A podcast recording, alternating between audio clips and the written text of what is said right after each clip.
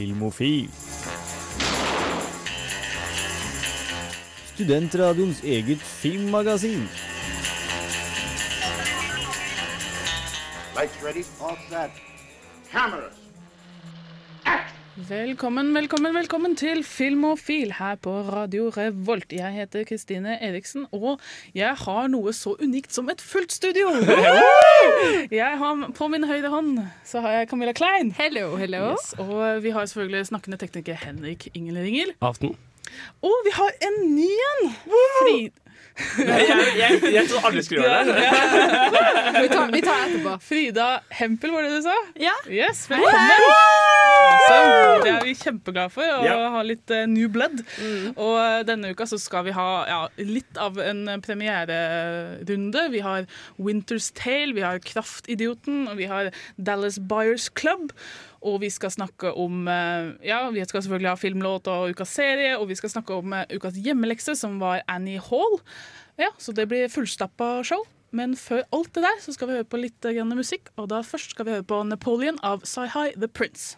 Y'all know what time it is.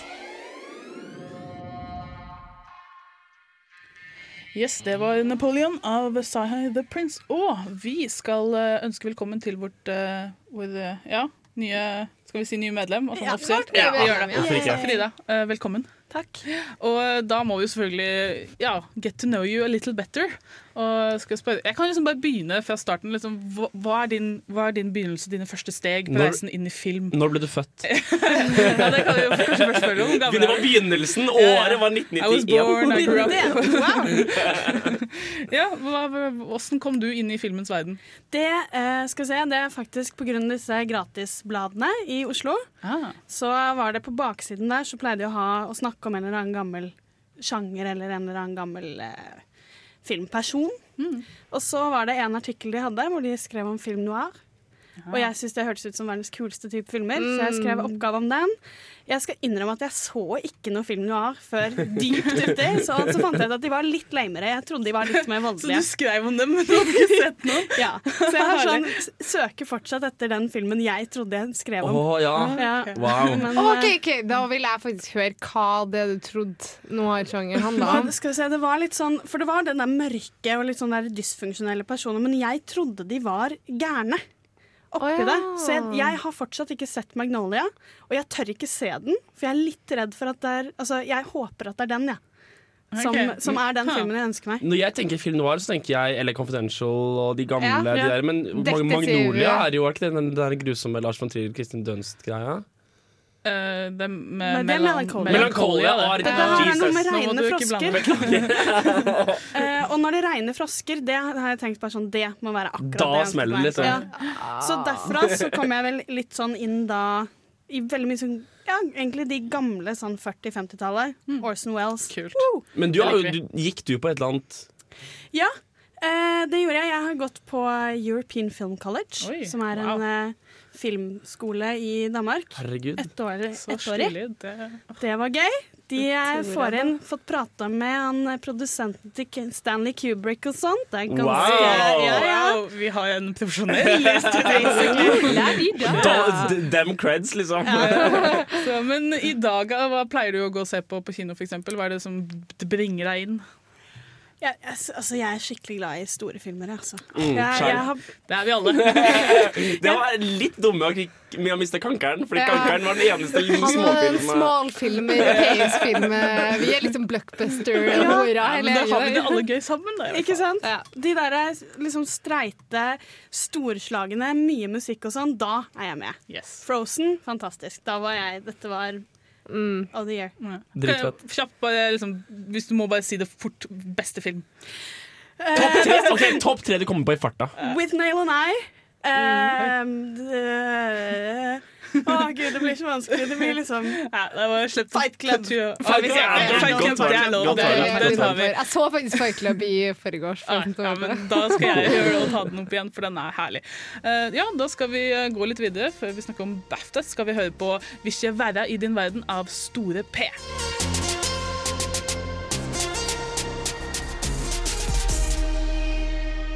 Yes, det var vil være i din verden av Store P her på Filmofil på Radio Revolt. Og vi skal ikke ha eh, film, vanlige filmnyheter denne uka. Vi skal heller bare snakke om vinnerne av BAFTAs, for de gikk eh, Eksepsjonelle filmnyheter. De gikk eh, Ja, var det forrige hel- helg eller noe? Ja. Jeg fikk ikke med meg eh, selve ja, livesendinga, men jeg har fått med meg alle nyhetene som kom ut etterpå, blant annet vinnerne. Og vi kan jo begynne med beste film, da, som fordi det er jo den viktigste prisen, prisen, og det var jo selvfølgelig 12 Years a Slave. Syns du det var selvfølgelig, altså? Ja, Hvis du ser på de som ble nominert. Hva var de nominerte? American Hustle, Captain Phillips, Gravity og Philomena. Filomena? Det er den med han Steve Coogan og, og oh, ja. ja, ok. Ja. Så hvis du ser på dem, og så tenker jeg at det her er jo britisk show, da må det liksom bli 12 Years a Slave. Syns jeg. jeg vet ikke, Er dere enige? Ja, altså av den nominerte. Ja, helt ikke sant? enig. På den kyniske måten, hvis man tenker at de ikke gir pris pga. hvordan filmen er, men pga. alt sånn nasjonalistisk Ikke sånn haha, fuck off Amerika, dere er kjipe dere òg. Eller litt sånn Dere kan ikke lage en slavefilm uten våre britiske skuespillere. In your face. Once again we are the bad guy. Ikke sant? Så, ja, dere trengte Cumberbatch og Fassbender for greiene der. Men, ja. Altså, ja, også I tillegg vant da uh, Chivetel Ei... Ja, jeg greide ikke. Å, så du som lærte deg å si det! Ja? A- A4. Ja. Han, eh, hovedrollen i 12 Years a Slave vant uh, beste leading man. Shivatel Ayafor. Ja, var det ikke noe sånt? wow. Det var et eller annet sånt Det nå. var i hvert fall Shivatel. for det er relativt er vant beste, beste hovedrolle, og det var det fortjent, eh, kanskje? Ja, Han spilte altså veldig godt, gjorde Det var bra. Ja, det Ja. var det. Det Leonardo var nominert for Wolf of Wall Street. Da. Okay, Ja. det, er- altså, det er litt et problem for meg, i hvert fall. Um, men det som er det at jeg egentlig Jeg, jeg ser at Oscaren er kynisk, og jeg regner med at uh, Leonardo kommer til å Ja. vinne Oscaren, uh, fordi det er hans tur, er rett hans og tur. slett. About Men altså, altså, BAFTA trenger ikke å forholde seg til det Nei. på den måten, sånn at de kan se bare den her ene performancen Mm. i, på en måte litt på egen hånd. Og, og selv om eh, Leo spilte dritbra i Wolf of Wall Street, så Det er ikke det beste han har gjort. Det var ikke det Det beste ikke. rollen noen gang. Og i hvert fall i forhold ikke. til uh, det skiveren. The Shivermaker. Så fortje- han fortjente den fordi han var Ja. fenomenal Han var 12 Years. veldig, det veldig, må jeg si. veldig, veldig viktig. Uh, er det noen andre priser vi skal er- Spesialeffekter gikk til, Gravity, var det ikke ikke? overraskende nok. Gravity. Uh, Beste kvinnelige et eller annet? Det var Kate Blanchett i Blue Jasmine, som jeg ikke har sett. Ikke jeg heller. men det er Woody Allen-film, og jeg er ganske sikker på at jeg kommer til å elske den. For jeg- jeg er superglad i Woody Allen. Og vi kommer til å snakke mer om den når vi snakker Ja. om Annie Hall. Det skal vi Og jeg er ganske sikker på at Louis CK har en scene der. Oh, ja, Så for min del så er det, det- det, da må jeg se den. Da er det gjort, liksom. Yes. Hva syns vi om at eh, Jeg likte at faktisk eh, The Great Gatsby fikk faktisk eh, Best Costume Design. Ja. Det var jeg veldig sånn Yes! Ja. Good for them. Det, det, det sier jeg også. Fordi det var liksom, for, meg, for min del så var det en eneste stor kostymefilm. Spesielt i de scenene der man fikk skikkelig følelsen av at kulissene gikk opp og ned. Under bilscenen og sånn. Hele filmen var en kostymefilm. Alt var kostymer. Scenarioet, jo dialogen. sånn- alt var bare kostymer. Men det er en sånn liksom, kostymehistorie. Ja, for det handler akkurat. om disse som kler seg opp. Og, Det er jo en lurmannfilm, og da blir det liksom sånn Ja, det helt naturlig. Altså det, Det er- ja, helt naturlig, på en måte. Altså, du har liksom Moulin Rouge, og du har Romeo og Julie og sånn også. Ja, men eh, ja, det, det har jeg i hvert fall nevnt de kategoriene jeg syns var velfortjente. Og ja, jeg tror disse her står for seg selv. Jeg tror ikke de kommer til å ha noen innvirkning på Oscarene. Så ja, Men jeg anbefaler alle, for å si det sånn. Yes, Da skal vi rusle videre. Ikke Gravity Zoom. Men, hva, men hva, hva tenker vi? Men Spesialeffektene blir jo mye av de samme, blir det ikke det for, eh, for eh, Altså, Altså Gravity, kommer- Gravity kommer til å vinne samme, samme spesialeffekt her, kommer det ikke det? er du sikker på at ikke Hobbiten har noe der? Altså, Den prisen ble jo opprettet Mm. på grunn av Gollum. Og Mm. Smag Ja, er Jeg sånn, de ja, ja, det er for så vidt godt poeng. egentlig de fortjener. Altså, mm. det, Mm. altså, den Gollum er fantastisk. Men uh, nå må vi ja, ja. Og så må jeg bare si at Rush faen meg fortjente best editing, altså, for den har blitt glemt. Så se Rush, for guds skyld. Uh, vi skal uh, snart gå over til eh, anmeldelsene. Vi skal først høre om eh, den jeg har anmeldt, Winter's Tale. Men før det skal vi høre på litt grann musikk. Vi skal høre på Check In av eh, Khalifa her på Filmofil på Radio Revolt.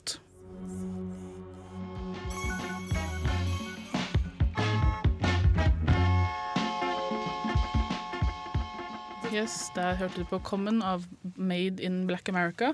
Du hører fortsatt på Filmofil her på Radio Revolt. Og vi skal nå endelig over på filmanmeldelser, altså kinopremierer, denne uka. Og førstemann ute er meg, som har anmeldt filmen Winter's Tale.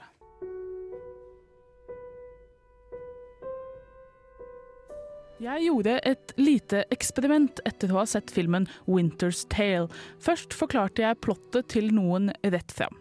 En ung, foreldreløs tyv ved navn Peter forelsker seg i en døende ung jente i Brooklyn på 1910-tallet. I denne verdenen er universet litt mer involvert i våre liv, og Peter må kjempe for kjærligheten mot demoner og Lucifer selv. Det høres ut som et litt søtt eventyr om godt og ondt, men når jeg forklarte plottet til noen andre og inkluderte hvem som spilte rollene, kom en annen reaksjon. En blanding av skepsis og latter. Det er nemlig Colin Farrell som er den unge, stormforelskede tyven, mens Russell Crowe spiller en irsk gangsterboss slash demon som jobber direkte for Lucifer, som er spilt av Will Smith. Squeaks. You have a gun. Just robbing the place, you know? Is that still your intention? No, it isn't. Well then, I suppose the polite thing to do would be to offer you a cup of tea. Vi har ganske mange kjærlighetsfokuserte actioneventyr fulle av halvfabrikerte CGI-karakterer å velge mellom. Mange av disse er utviklet fra bøker. Og de aller fleste lar to unge skuespillere måpe mot hverandre i et par timer, mens de etablerte skuespillerne spyr ut plotpoints i bakgrunnen. Det som gjør Winter's Tale unik, er at det er 42 år gamle Colin Farrell som forelsker seg ved første blikk med 24 år gamle Jessica Findley, best kjent som Lady Sibyl i Downton Abbey. Dette er kanskje ikke unikt i Hollywood, men det føles fremdeles litt sært i noe som essensielt handler om ung kjærlighet. Will Smith, som Satan selv, er også et unikt valg. Både han og Russell Crowe ser ut til å ha det veldig gøy og går fullt ut. Problemet er at jeg ikke vet helt om jeg skal le eller ta det seriøst. Colin Farrell ser jo skummelt ung ut, men hans bedårende blikk minner mer om en parodi av hans tidligere roller. You steal things. I do steal things, yeah, from time to time. Lately, I've been having a bit of a disagreement with an old boss, though. Peter Lake. I want to kill him, and I want her to stay dead. What's the best thing you've ever stolen? I'm beginning to think I haven't stolen it yet. Selve historien er også vanskelig å få tak i. Winter's Tale er en bok mange mente ikke kunne bli overført til skjermen, og det merkes. Reglene til fantasiverdenen er vage og uinteressante, og når løsningen viser seg, må man bare heve på skuldrene og la filmen gjøre det den vil. Den er til tider så sprø at den blir morsom, da mest når Russell Crowe prøver å parodiere en slags irsk joker-demon, men ellers er det bare sukkerstørt synsing uten særlig dybde. Jeg satt bare og tenkte at dette må være basert på en mye bedre bok, noe jeg fikk bekreftet i etterkant. Alt dette kunne vært tilgivelig hvis filmen lot deg akseptere verdenen den opererte i, og rundt midtpunktet var jeg generelt solgt. Men så skal den absolutt lange ut om universet og skjebner, og det hele føles altfor seriøst for en film med en flyvende hest som egentlig er en hund. Ja, jeg husker ikke helt hvordan det egentlig fungerte. Så hvis du liker litt sære eventyrsfilmer, eller er veldig glad i Colin Farrells sjarm, ja, så prøv den. Terningkast tre. Diamonds are born in the rough. She didn't make oh, oh, oh, oh. Yes, Der hørte du på Diamonds av Comet Kid. Comet Kid unnskyld. Og før det så var det min eh, anmeldelse av filmen Winter's Tale. Og ja det må se litt overrasket. Du sa, du sa tre. Ja. Og så spurte jeg deg ja, men, ja, men er det ikke en firer, og du bare nei, nei, det er kanskje en toer. Ja, Og det det er- føltes ikke helt riktig ut ifra hvordan altså, jeg, jeg fikk lyst til å se denne filmen. Sær, altså. den, ja, men det er det som er, Den er sånn sær film som du burde se, bare for å sjekke om du syns den er sær. Det Henrik ikke forstår her, er det vår, altså damers er sin fascinasjon av eh, eventyr. Eventyret. Altså. Det, det er en del av meg som elsker Ja. eventyr. Elsker den filmen her. Den delen av meg som analyserer det som film, syns at den er helt Den er bare sånn haug av rare ting som for en eller annen grunn har greid å blitt kobla sammen til én film. Hvorfor er litt følelsen av at, at den filmen ligner litt på Imagine of Dr. Parnassus? Nei, den er ikke så surrealistisk. Det er den ikke. Nei, fordi Det er en sånn film hvor jeg satt inn og jeg vet ikke om jeg likte den likte den eller ikke, for den var så weird. Nei, altså Plottet er relativt rett fram. Det er bare at alle elementene som får plottet til å fungere, er sånn derre OK, Will Smith er Satan. Hva faen? Jeg drev og blådde meg gjennom bildene eh, på INDB her i stad i håp om å finne et satanbilde av Will Smith, men jeg fant ikke noe. Det kom så ut av det blå at jeg bare Fordi han, han Russell Crowe han er sånn skikkelig han, er- Dialekten hans er så herlig. Han er en irsk gangster. Han går i en sånn rom som er helt mørkt, og så sier han liksom Lu, eh, Lou da, ikke sant? og så skrur Will Smith på, på lyset, og han ligger på sånn lounge og bare Der er Satan! What? What? Hæ? Nei, det her går ikke! Var han, jeg må bare spørre her, fordi var han liksom var han ond, eller var han sitt spøkefulle Independence Day-sjarmerende Han var jo veldig sånn businessman, ond uh, Ja. Snakker vi Djevelens advokat? Ja. Takk, takk til deg. Nei, ikke, ikke fullt så uh, stonefaced, men litt på det nærmere det enn det andre. For å si ja, sånn, da.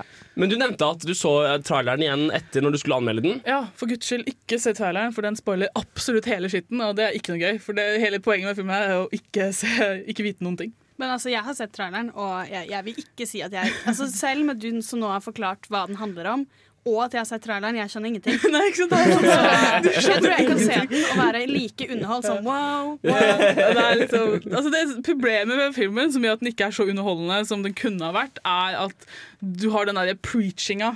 Universet vil ta vare på oss, og vi, alle, vi har alle vår plass og alle vår rolle, og alt som skjer, skjer med vilje. Circle of life det sier alle de som dør av kreft og krig. Og sånt. ja, ja, det er liksom, universet vil at du skal dø, fordi en eller annen må leve for å bringe en eller annen skjebne. Ja. Det er så bullshit. At du får, du, vi som så altså, relativt voksne folk greier ikke å skru av den kynismen. Men, det men det høres da litt ut som en perfekt datefilm. Altså, vi, hvis du ser bort fra at jeg antakeligvis hadde blitt veldig irritert av å se den, så er det en bra datefilm. Hvis, hvis, hvis du ikke er så filmfan, eller hvis du ikke er så filmopptatt, så kan du se den og kose deg skikkelig og, og holde rundt noen. Og liksom. ja. altså, Damer kan sikle over Colin Firth, og du kan le av alt det spøde. Men eh, det som er da med datefilmene, så er man ofte tenker på veldig mye andre ting. Sånn at eh, på en film som du på en måte ikke får med hva ja. som handler om Ja. i utgangspunktet, Ja, så er kanskje. Da kanskje du tenker etter det Shit, jeg var altfor opptatt med å styre med daten. Jeg fikk ikke med meg noe. Alternativt så mister du helt fokus på daten fordi du må følge med. Ja, akkurat. Sitt bare åpen munnen og bare hva faen? ut ifra hva man vil ut med daten, så kan det kanskje være anbefalelse. Så eh, ja, da anbefaler det for de som, for de som syns at det hørtes så sprøtt ut at det kanskje var verdt å få med seg. Vi skal gå videre, vi skal snart ha Kraftidioten, men før det skal vi høre på DeLorean Dynamite av eh, Todd Terje. Du hører på Filmofil her på Radio Revolt.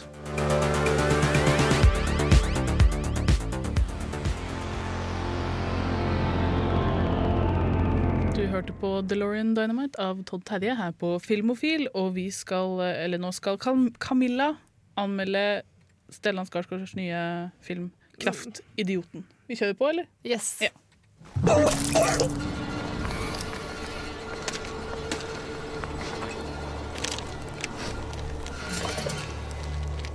Oh her. Kraftidioten er Molands nye film om en mann som søker hevn etter drapet på sin uskyldige sønn.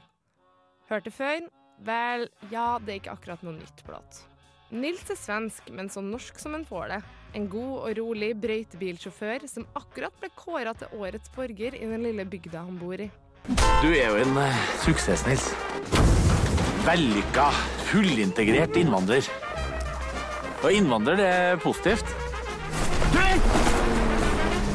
I denne sammenhengen. Samme kveld han mottar prisen for årets borger, blir sønnen hans og hans medarbeider kidnappa fra flyplassen de jobber på. Dagen etter blir han funnet død av overdose, og stempla som enda et av de her tragiske tilfellene av ungdom som ødelegger seg sjøl.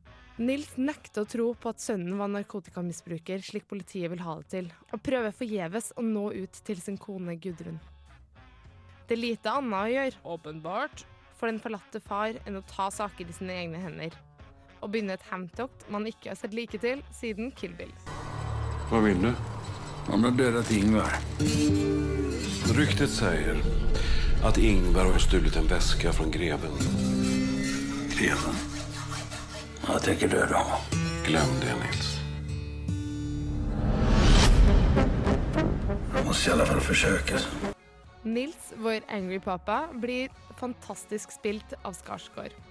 Han mestrer balansen mellom karakteren som årets borger og den iskalde drapsmannen.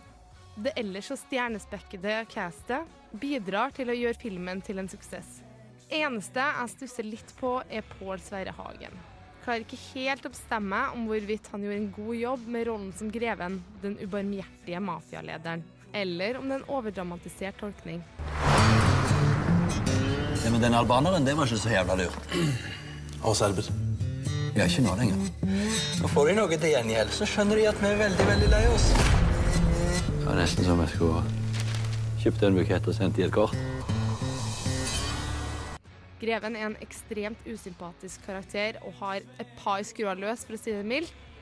Og det kommer fram at han har arva, ja, skal vi kalle det imperiet av sin far, og i all hovedsak en bortskjemt drittunge som er verken veldig smart eller gjennomtenkt. Men veier mer enn nok opp for det med sin stormannsgalskap og kaldblodighet. Personlig funka det ikke helt for denne kritikeren. Ellers må jeg si at dette var en veldig god film. Veldig god. Mest sannsynlig den beste norske gangsterfilmen jeg har sett. Og for mitt mafiasvake hjerte gikk den rett hjem. Finner meg faen ikke i det. Det er de jævla albanerne. Serbere. Mi smo imali čvrst dogovor, a oni su se držali tako što su mi i vreme je za osvetu. Krv za krv, sin za sina. Faen, jævla østeuropeiske monkeys. Er ikke du kidnapper? Ikke alltid. Men om du skal knäppa honom så måste du hyre en hitman. finns en som kalles kinesen. Det var kaldt her for en kines. Jag är dansk. Den har komplekse karakterer, et godt, men akk relativt brukt plott. Men den er satt i omgivelser under omstendigheter som likevel gir den et friskt og nytt preg. Strukturen på filmen og Molands måte å pakke inn humor, som det er veldig mye av, i det ellers så kalde hendelsesforløpet, er gjort ekstremt godt. Vent litt!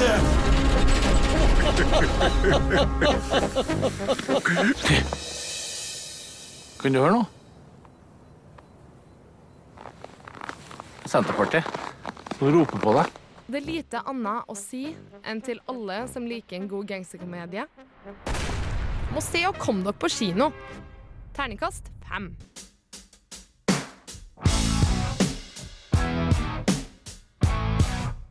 Det var eh, Pretzel Body Logic, var det det? Eller jeg fikk ikke helt med meg tittelen. Av eh, Prince and Third eh, Eye Girl. Og før det hørte du på anmeldelsen til Camilla av Kraftidioten, filmen til eh, Hans Petter Moland, starring Stellan Skarsgård. Og det hørtes jo helt fantastisk ut, må jeg si. Det var det. Og jeg, jeg, ja, den- jeg fikk meg, den fikk meg skikkelig til å ville se den. Men jeg lurer på liksom, hvordan, hvordan ser filmen ut? Er den klippa på en sånn type amerikansk sånn kjapp eh, måte? Eller Altså, er ja, jeg har eh, I ettertid av å laga en anmeldelse, så har jeg sett på litt andre anmeldelser, og jeg er for så vidt veldig enig i det de sier, at de trekker paralleller til både Tarantino og Cohen-brødrene. Ja. Uh, den er ekstremt sånn ja, du kan si amerikansk i oppbygginga, på en måte. Den er men det kjapp, liksom? Den er kjapp, men altså er det gjort på sånn Altså, De får død til å virke morsomt. Ikke bare i måten de dør på, men det her med at de har liksom en hyllest for de døde hver gang det dør noen. Så det er veldig artig, det. Og så er det her med at siden det er satt i Norge, og det er snø og det, det er veldig sånn Det er veldig på en måte utlendinger sin tolkning av Norge. Fordi at eh, det er litt sånn artig at du får serberne som kommer og kommenterer på hvor bra det er i norsk fengsel og sånn. Sånn, å shit, du må prøve norsk fengsel, det er dritsweet. Og så er det her med at hele Norge Vi snakker, De sier aldri hvordan by eller bygd det her er. Det er bare alt er i snø, og det er kaldt. Det er litt sånn What do you think about Norway? ja, det er, det er veldig en, en utlendingssyn på rett og slett. Stilig. Og det, men det fungerer godt, fordi noen ganger så blir det jo sånn når de skal være sånn amerikanske, Ja, men på norsk stil. vri så blir det en sånn halvklein greie, fordi jeg vet ikke, vi har litt sånn kleint språk og sånn. Jeg syns at uh, Nei, men det er ikke engelsk det foregår på. Det er bare mellom serberne og nordmennene, for at de snakker bare engelsk med hverandre.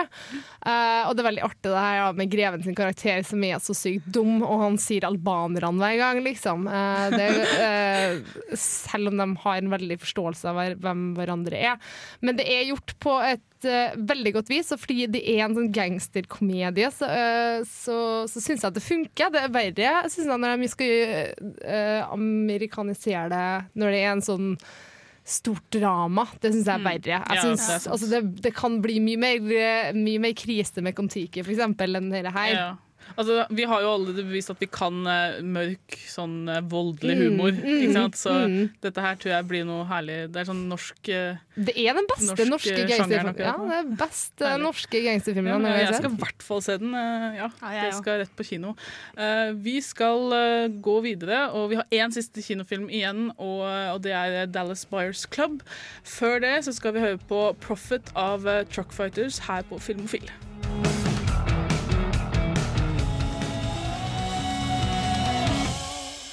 Der fikk dere Truck Fighters med Profit. Her på Radio Revolt er det nå på tide å høre anmeldelsen av Dallas Buyers Club.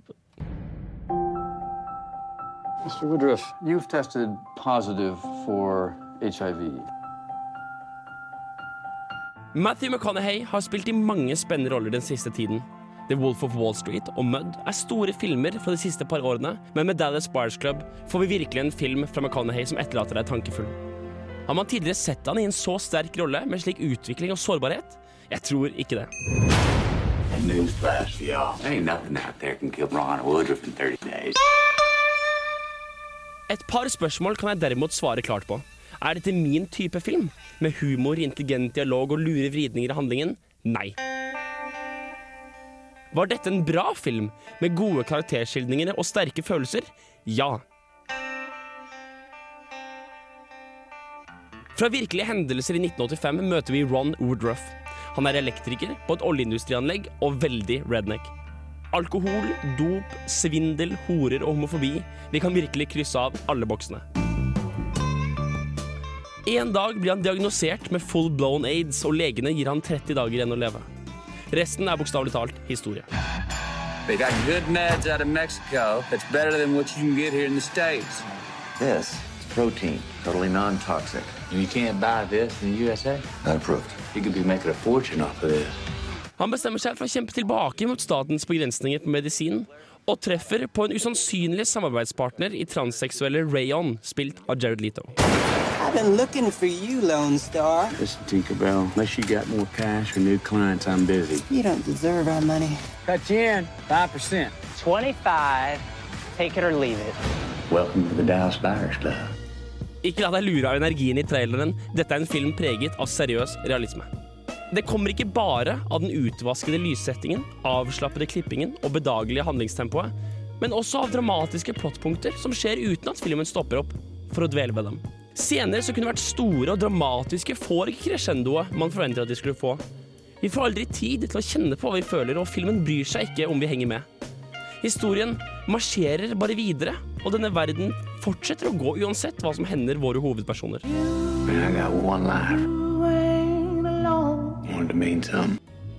McConaughey passer godt inn i denne realismen. Med drahjelp fra en fantastisk og syltynn Jared Leto og en litt uinteressant Jennifer Garner sleper han oss gjennom filmen med en glødende livsenergi. Dette har ingrediensene til å være en feel good-film, men slike klisjeer har virkeligheten ingen plass for. Ikke er Mr. Woodruff en karakter vi kan føle spesielt glede for heller.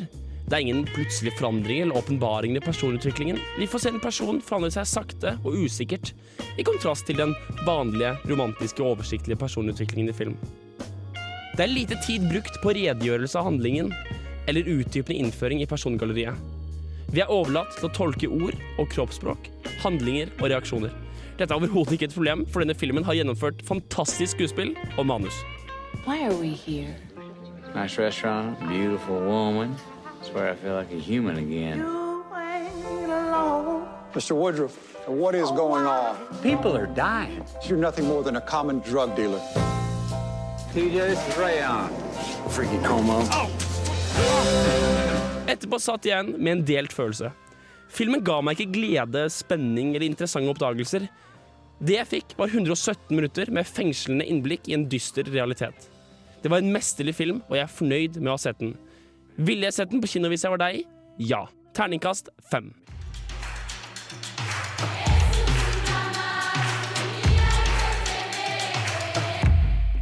Velkommen tilbake til Filmofil på Radio Revolt. Der fikk du Uh, bon Voyage av VR Caster.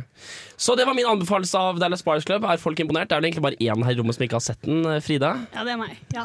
Eh, jeg har veldig lyst til å se den, men man har jo gledet seg til den en ganske god stund, så Men eh, alle, de, de, fleste likte den. Ja, Vi er alle enige, tror jeg, vi som har sett Vi er den. fans, at, uh, vi er superfans, og ja, han uh, han, altså, jeg, altså, hvis du hadde spurt meg for fem år siden om Matthew McConaughey noen gang ville ha spilt i en Oscar-nominert film, så hadde jeg vært i tvil. Altså.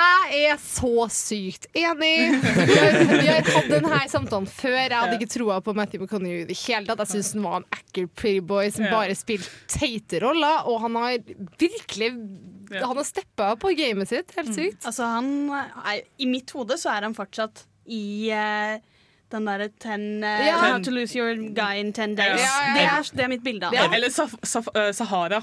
Å, den filmen var så dårlig! Ja, men altså, jeg, jeg, jeg, jeg har også litt sånn den der Lincoln Lawyer, som er litt, sånn, litt som en, en veldig endimensjonal versjon av denne, denne karakteren. Da. Men han spilte, han, Var ikke han med i Amistad? Jeg, tror- jeg tror det. Ikke Han spilte jo relativt bra der. Men han har en veldig liten rolle. Altså, det var ikke noe sånn promise of things to come. Liksom. Det var det ikke. Men har noen sett True Detective? Nei, det gleder jeg meg til. Fordi det er, begynner å bli ganske prisbelønt. Eller det, Ja. Den har for, for mye creds. Den serien er hvert fall absolutt om uh, denne filmen, da, folkens. Eh, vi snakka jo om at han hadde en fantastisk bra rolle, og når vi i stad ramsa opp uh, BAFTA Awards, så var ikke hans navn på lista over leading actors. Det er et godt poeng.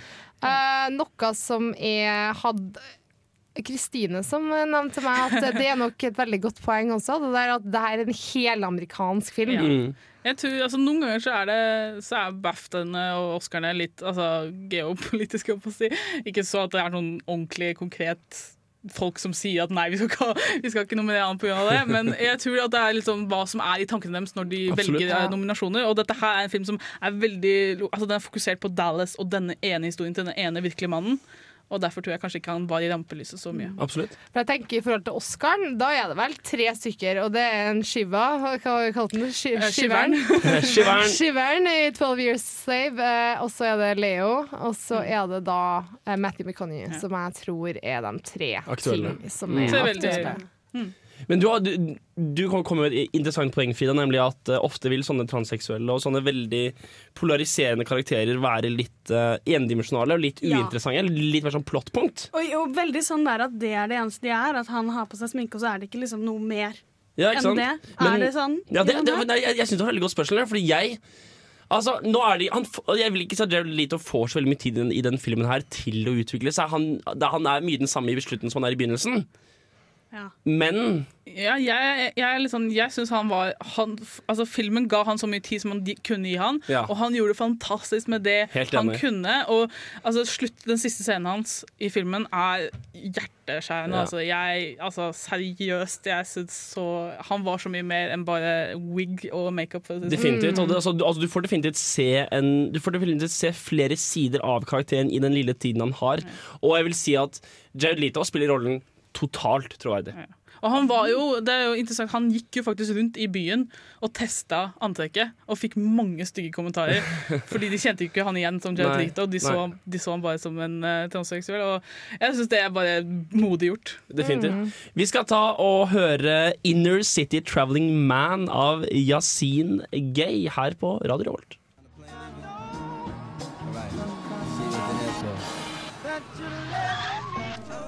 My calculations are correct. When this baby hits 88 miles per hour, you're gonna see some serious shit. Du hører på Filmofil på Radio Revolt. What did I tell you? 88 miles per hour!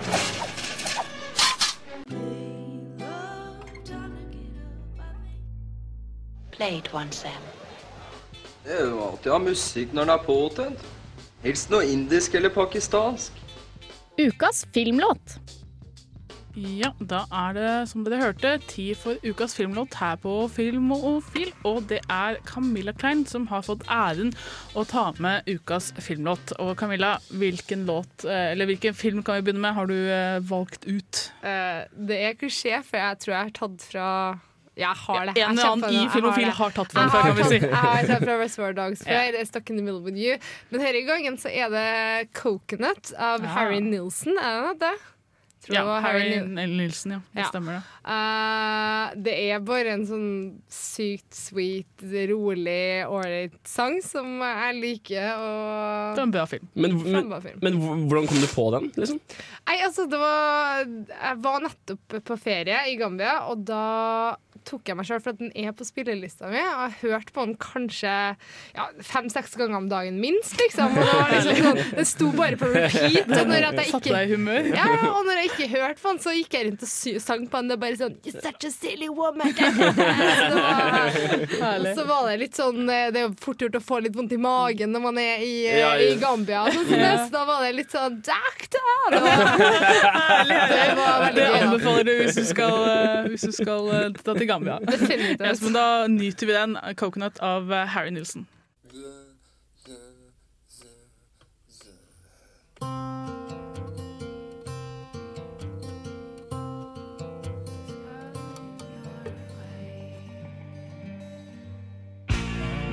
Hei!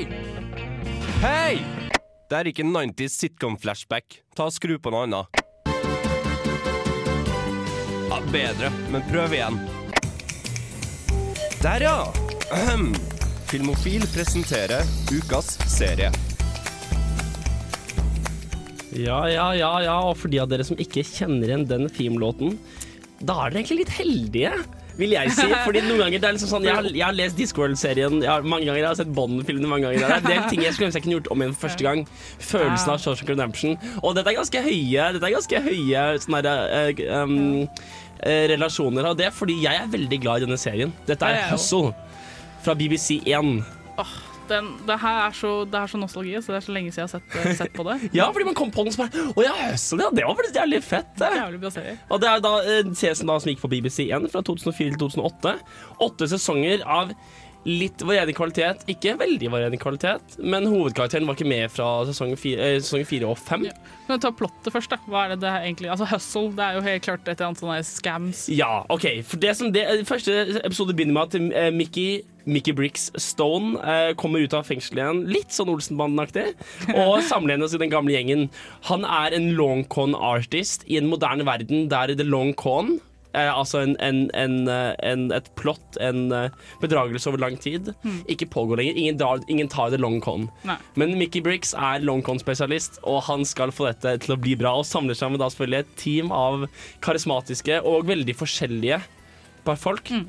Og disse grifterne, da, som de heter, eh, de skal da, de skal da Hver episode så gjør de noe annet, og det er veldig kult. hver episode. Og så Ja. er det veldig gøy, fordi du får sånn du får sånn uh, fortellinger om tradisjonelle cons. Da. Sånn, du får kanskje historien Ja. til en con helt tilbake til liksom 1800-tallet, når de fant på denne, eh, Ja. denne trikset, da, eller luriet for å få ut noen kjappe cash Som folk. selvfølgelig har et sånn litt folk. morsomt navn. Ja. Og for de som syns dette høres litt kjent ut, så kan det være fordi en av mine absolutt yndlingsfilmer da jeg vokste opp, er Oceans Eleven. Ja. Og dette er en veldig Oceans Eleven-film. Det er all about the smoothness, det er all about that quick eh, comment og breaking altså, og, og, og den der lille vendingen på slutten. Ja, nei, Det hørtes veldig eh, Oceans ut, og det må jeg si frista ekstremt. Det er Men, utrolig fett. men det er satt uh, i England, var det sånn? Ja. Ja. Og så lurte jeg altså på en ting til. Du sa at hver episode handler om da eventuelt eh, ett sånn plott, eller liksom sånn en, en scheme, da, på en Ja. måte.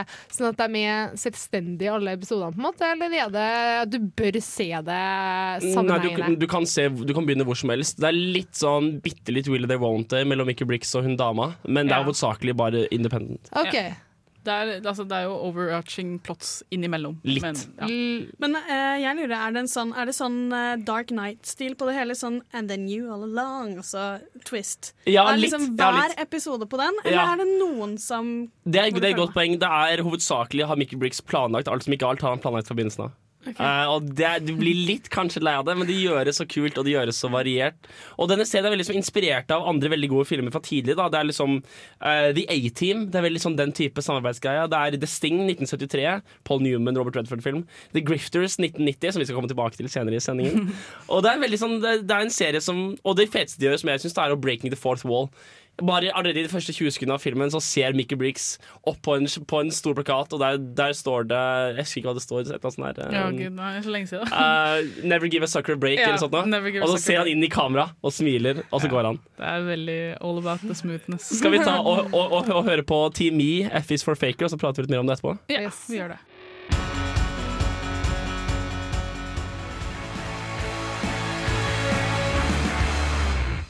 Velkommen tilbake til Filmofil på Radio Revolt. Eh, vi prater om eh, Hustle, BBC1-serien. Og Kristine, du så faktisk den fra den Ja. begynte på TV. Ja, det gjorde, eh, det gjorde vi som familie, holdt på å si. Vi, vi var veldig glad i den serien. Og, og det, den kom på et tidspunkt hvor eh, altså, Oceans Eleven eh, kom ut i 2001 og Oceans 12 i 2004, når den serien her starta. Mm. Og samtidig så gikk det også sånne sånn Discovery-kanal, History-kanal, TV-serier som, som ville liksom, forklare cons. Altså, de liksom ville illustrere hvor lett du kunne bli lurt av con-menn. The, the Real Con? Ja, eller The Real blant Hustle? annet. Det var flere av dem. Ja. The Real Hustle bare en av dem. Og jeg husker bare at at det var- virka som at 2004 var liksom året av con. Det var liksom overalt, og Hustle var liksom det beste. Altså Det var det som Ja, var fordi det er det som er poenget, for det er jo så bra, og det er så smooth, og det er liksom den perfekte London crime-drama, bare ikke det, er altså, Ja. det vil si at den har elementer av det som gjør Sherlock så kult, nemlig den laid backen, den der, den er veldig den der lille, lille, lille der og lille Ja. der, og bare Ja, altså den, er, den er liksom tar seg ikke altså, jeg, liksom, Når jeg ser på andre sånn crime shows i England, så er det kanskje Spooks eller eh, Ja. liksom, eh, den derre døde Dead by Numbers Jeg husker ikke. Nei, den der hvor de tar cold cases. Ja, fra- ja, ja. ja, og de er alle veldig sånn seriøse og sånne ting, men den her er- veldig lekende. Den her er veldig lekende. Litt sånn, litt sånn ja, Sherlock-aktig. Og så er det for min del det det, defin definitivt spenning. Det er vel enkelt selv ofte jeg blir spent av å se på britiske krimserier, men det her blir jeg sånn genuin spenning. Det er, eh, det er egentlig mye å si om eh, serien. Eh, Jeg sa fjerde og femte episode eh, Fjerde og femte sesong så er ikke Michael Stone med. For min del så går det bra, men det blir mye bedre når han kommer tilbake igjen. Nei, jeg Også, tror ikke jeg så- så langt. det, så. Nei, nei, men sesong 6, 7 og 8 er ikke så verst. Det er bra, og de gjør den klassiske når serien begynner å bli litt trangt i London. Så begynner de å reise litt ut og litt, litt større plott. sånn, Men det Og funker. den, den ble faktisk nominert for to Emmys, så det her Ja, det er kvalitet, altså. Det er det. Ja, og så Jeg tror ikke det Altså, jeg mener den skulle ligge på Netflix, for de som Eller i hvert fall på britisk Netflix. Men du, du har ikke funnet den? Nei, altså jeg fant ikke på Netflix. Det jeg derimot fant, at omtrent alle episodene av de første tre sesongene er Men- på YouTube. Å ja, men da er det jo greit. Det er bare å stikke på YouTube og se om du liker den, og så kan du eventuelt eh, prøve DVD-pakke, for den begynner vel å gå litt ned i pris, i hvert fall de første sesongene. Absolutt. Så det er eh, lett å få tak i, hvis du vil. Ja. Skal vi ta og kjøre på med neste låt? Ja, det er bare å si, anbefale Hustle. Hustle er awesome. Hustle er awesome. Altså, rett og slett. lærer litt Du lærer litt sånne historiske fakta også. Ja, da må du følge veldig godt med. Og ja, jeg, sånn, det, ja. det Ja, det jeg likte best med hele serien. Det var å høre de der små tilbake-flashbackene til nei, old, old cons. Men er hele serien sånn at du får lyst til å bare legge om hele livet ditt og gå ut og begynne å konne folk? For jeg gjør alltid det. Dette er et stort problem. Ja, litt grann. Jeg, må, si, jeg må innrømme jeg, Det var litt sånn når jeg så den første gang. Det var kanskje, ja, egentlig, jeg vil egentlig, egentlig si det hadde virket veldig kult. Men samtidig så føler jeg at serien på en slags metanivå har en observasjon av um, depresjonen, ensomheten og ekskluderingen fra det vanlige miljøet som disse folka opplever. Og jeg oppfatter fint at det er det, fordi de er liksom litt på den samme puben hver gang. Og de er veldig forskjellige fra alle andre, og man merker veldig på det. da vi skal ta og høre på uh, Palehound med Pay No Mind. Du hører på uh, Radio Revolt. Vi skal snart bort på hjemmelekse. Og håper du koser deg her med oss på, uh, på Film og Film.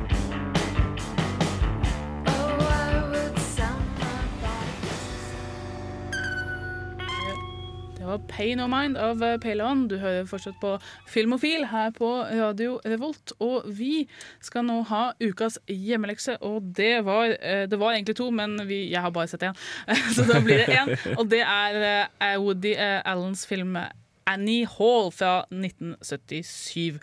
Og jeg satte meg ned og så på den enda. Jeg var ganske klar over at jeg ikke er verdens største Woody Allen-fan. Eh, og jeg hadde sett Annie Hall enda en gang da jeg var bitte, bitte liten, sikkert. Og, for jeg huska scenen hele tida, kom jeg på at å, det har jeg sett.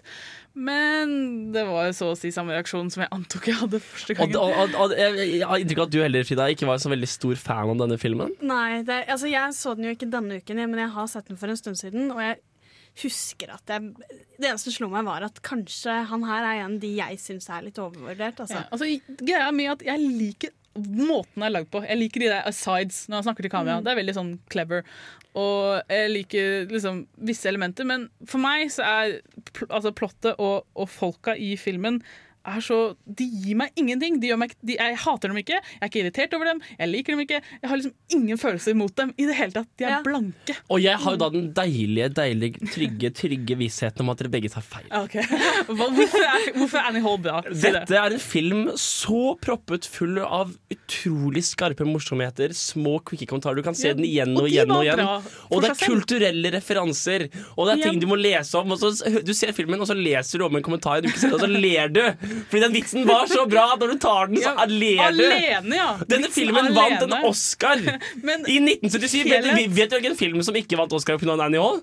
Star Wars! Ja. Denne filmen markerte Det overrasker meg ikke det hele tatt. Denne filmen markerte begynnelsen av Woody Allen som en respektert storfilmproduser. det, det, det skjønner jeg, men det hjelper ikke at jeg ikke føler noen ting. Jeg, altså, jeg humrer hver gang jeg gjør en bra vits, men sånn- ellers er det ingenting. Den har en litt sånn der intellektuell runking ved seg, Ja, syns Ja, definitivt! Og det er jo så karakteristisk Ja. hele Woody Allen sin fuckings liv.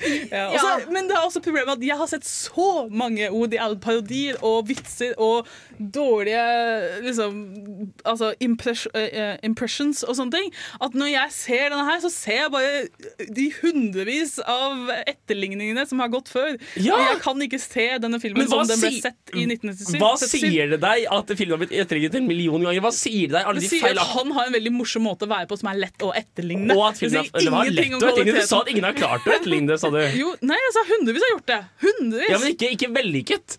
Ja, men det har ikke, det, Jeg veit ikke om det er vellykka eller ikke. Det kan godt være. Det- Jeg kan ikke bedømme en god Woody Allen-impression. Men poenget er at eh, ja, det, er ikke så, det sier ingenting om kvaliteten. Men eh, jeg har også en følelse av at jeg kanskje hadde følt annerledes om den filmen om jeg hadde sett den da den kom. Eh, og det skal jeg på en måte gi han at det at den har vært så innflytelsesrik, da. Så det blir en sånn derre gammel Jeg får en følelse av at det er sånn gammeldags smarthet. Ja. I veldig sånn satte Det er for så vidt sant. Den ser jeg. Men det var det jo antageligvis ikke da den kom, fordi det var den som satte i gang den sti... Altså, den er jo kjent som liksom den der Ja. av hans Og som jeg sa, jeg, den scenen jeg husker best, det er der hvor de står og prater sammen, og så står det skrevet Ja, de hva de tenker. Ja. Og det, det er jo kjempesmart. Det er fantastisk. Hadde jeg sett det da.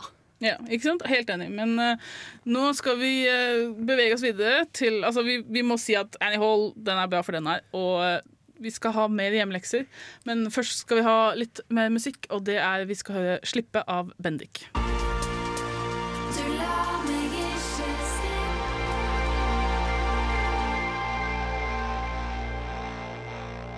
Var 'Slippe' av Bendik her på Filmofil, og vi har akkurat snakket om foren- ja, uenighet rundt Annie Hall. Men uh, nå skal vi videre til neste ukes uh, hjemmelekse, og det er det Frida som har tatt med. Ja, så denne uken så er det faktisk det er litt spesielt med denne uken, fordi Samfunnet har uh, opplegg i morgen, og det er da filmen vi skal se, er da Rocky Horror Picture Show. Woo! Yeah! Og det er jo egentlig en film som man ikke skal se alene. Nei. Du skal se den samme folk. Yep. Det er en midnight movie, og i flere steder i USA så har de jo sånn hvor de viser den jevnlig. Og så kommer folk, og så har du med deg rekvisitter. Du hiver ris sammen med dem og mm. deltar og får manus og sitter og snakker med dem. Og samfunnet har et opplegg på dette her i, må i morgen.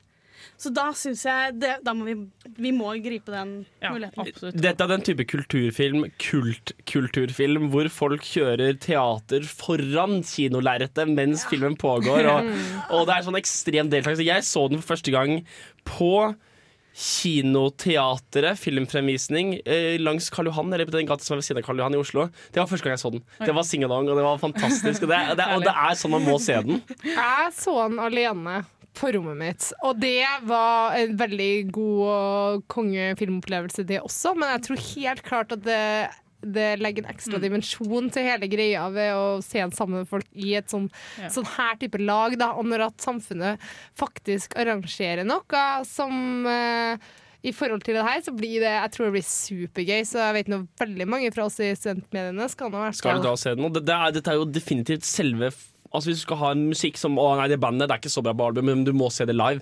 Dette er en film du må se live!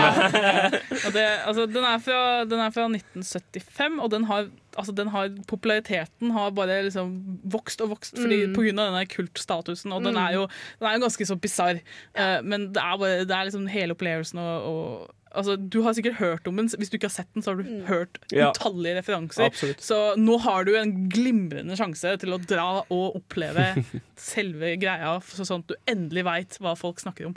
Så det er, liksom, det er hjemmeleksa til alle. Det er ikke bare å se filmen, men å se den på Samfunnet. På Samfunnet i Storsalen, dørene åpner klokken syv. Det er 60 kroner for filmklubbmedlemskap, som du må ha, og 50 for um, Eller 100 for både billett og medlemskap. Hvis dere også vil vite altså Det er noe siden man skal møte på noe og kanskje være med på det, så ville jeg sjekka ut eventen. Den er på Facebook, og du finner den på Samfunnet Samfunnet, sine sider. Og altså, altså bare prøv å liksom lese deg opp litt på det, sånn at du eventuelt kan psyke deg opp eller finne ut at det ikke er for deg. Ja. Så da, ja, det er egentlig det vi har å si om det. Vi skal ikke si noe mer om plottet. Vi, skal, vi skal dessverre avslutte. Vi skal ha en siste låt, og det er eh, 'Ingen Vega utenom' av eh, Daniel Kvammen.